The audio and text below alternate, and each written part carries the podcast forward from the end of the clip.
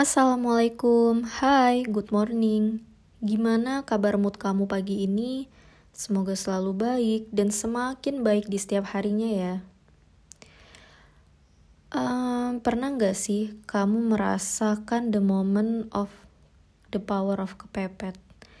Ya, di mana kamu mendapatkan kekuatan dari waktu yang terbatas alias kepepet tapi kamu harus selesai ngerjain satu deadline atau tujuan.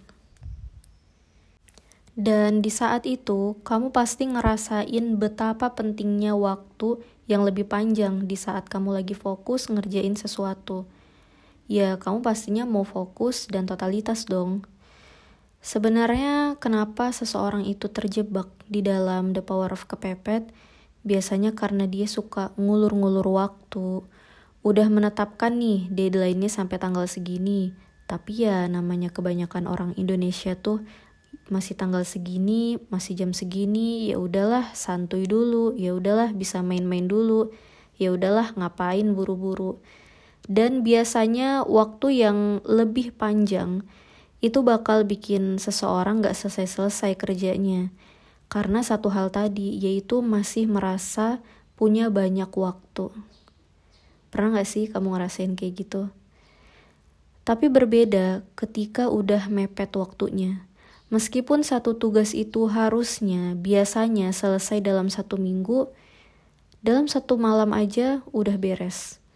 Apalagi kalau misalnya dulu ya, itu kan ketika mau ujian sekolah, ada tuh sistem SKS atau sistem kebut semalam Sebenarnya materi atau pelajarannya tuh banyak banget bejibun yang harusnya belajarnya itu pelan-pelan supaya bisa dengan baik dicerna sama otak.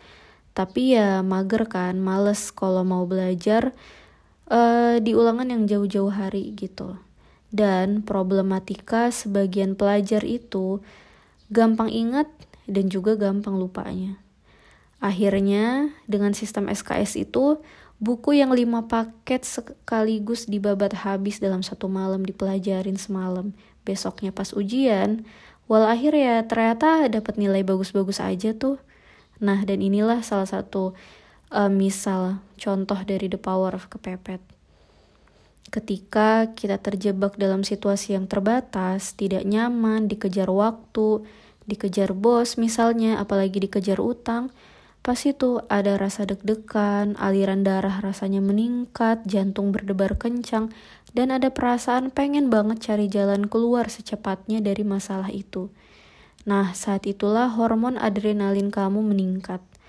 Saat itu tubuh nggak lagi memikirkan tentang sistem dan perencanaan. Semua yang ada di depan mata itu ditempuh.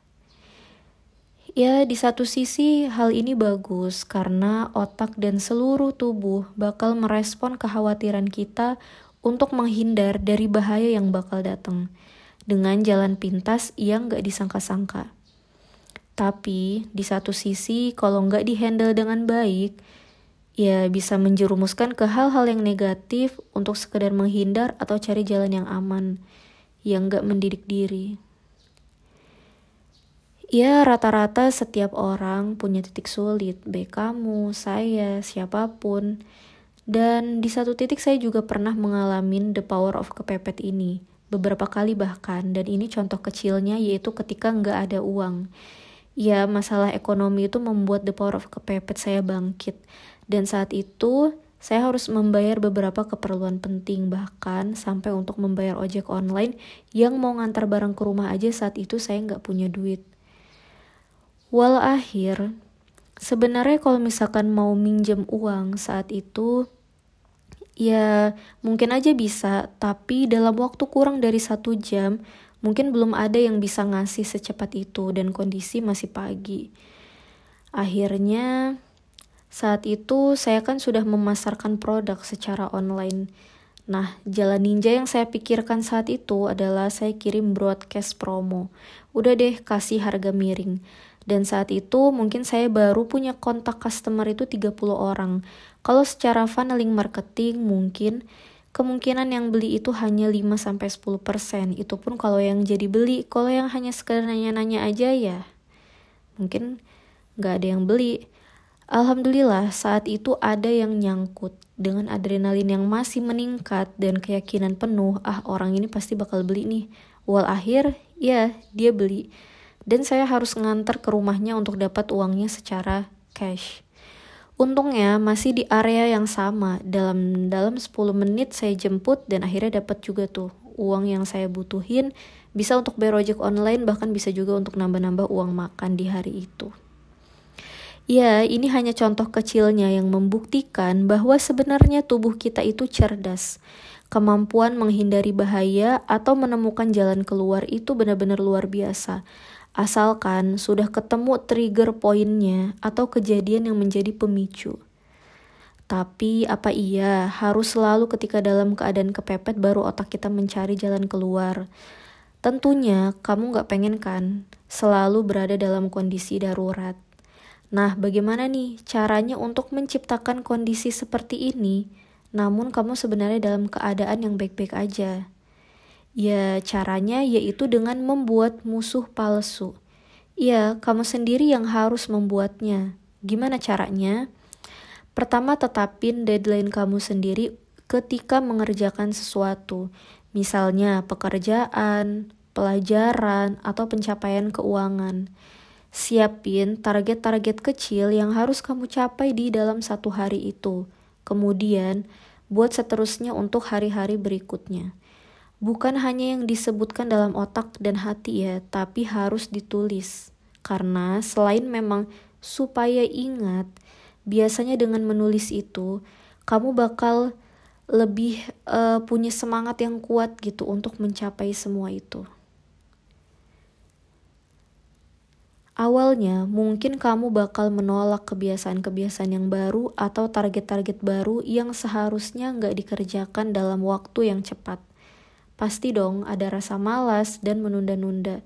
Karena pada dasarnya memang otak manusia itu didesain sebagai alarm untuk menghindarkan diri kita dari bahaya dan tetap pada batas wajar atau aman.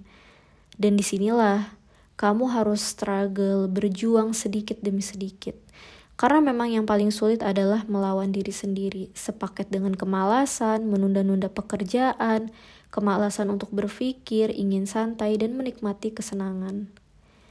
Apalagi kalau kamu yang memilih untuk menjadi wira swasta atau yang punya usaha sendiri. Mau kerja nggak kerja, ya tergantung pada diri kamu sendiri. Berbeda mungkin dengan karyawan yang dibuatkan job desknya dan dinilai produktivitasnya setiap hari oleh manajernya atau bosnya.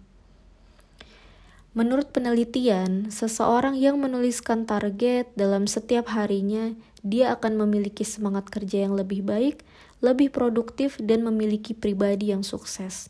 Dengan kebiasaan ini, kamu bakal lebih menghargai waktu, menghargai diri kamu sendiri, dan tidak lupa juga untuk selalu bersyukur atas pencapaian sekecil apa pun yang kamu dapatkan.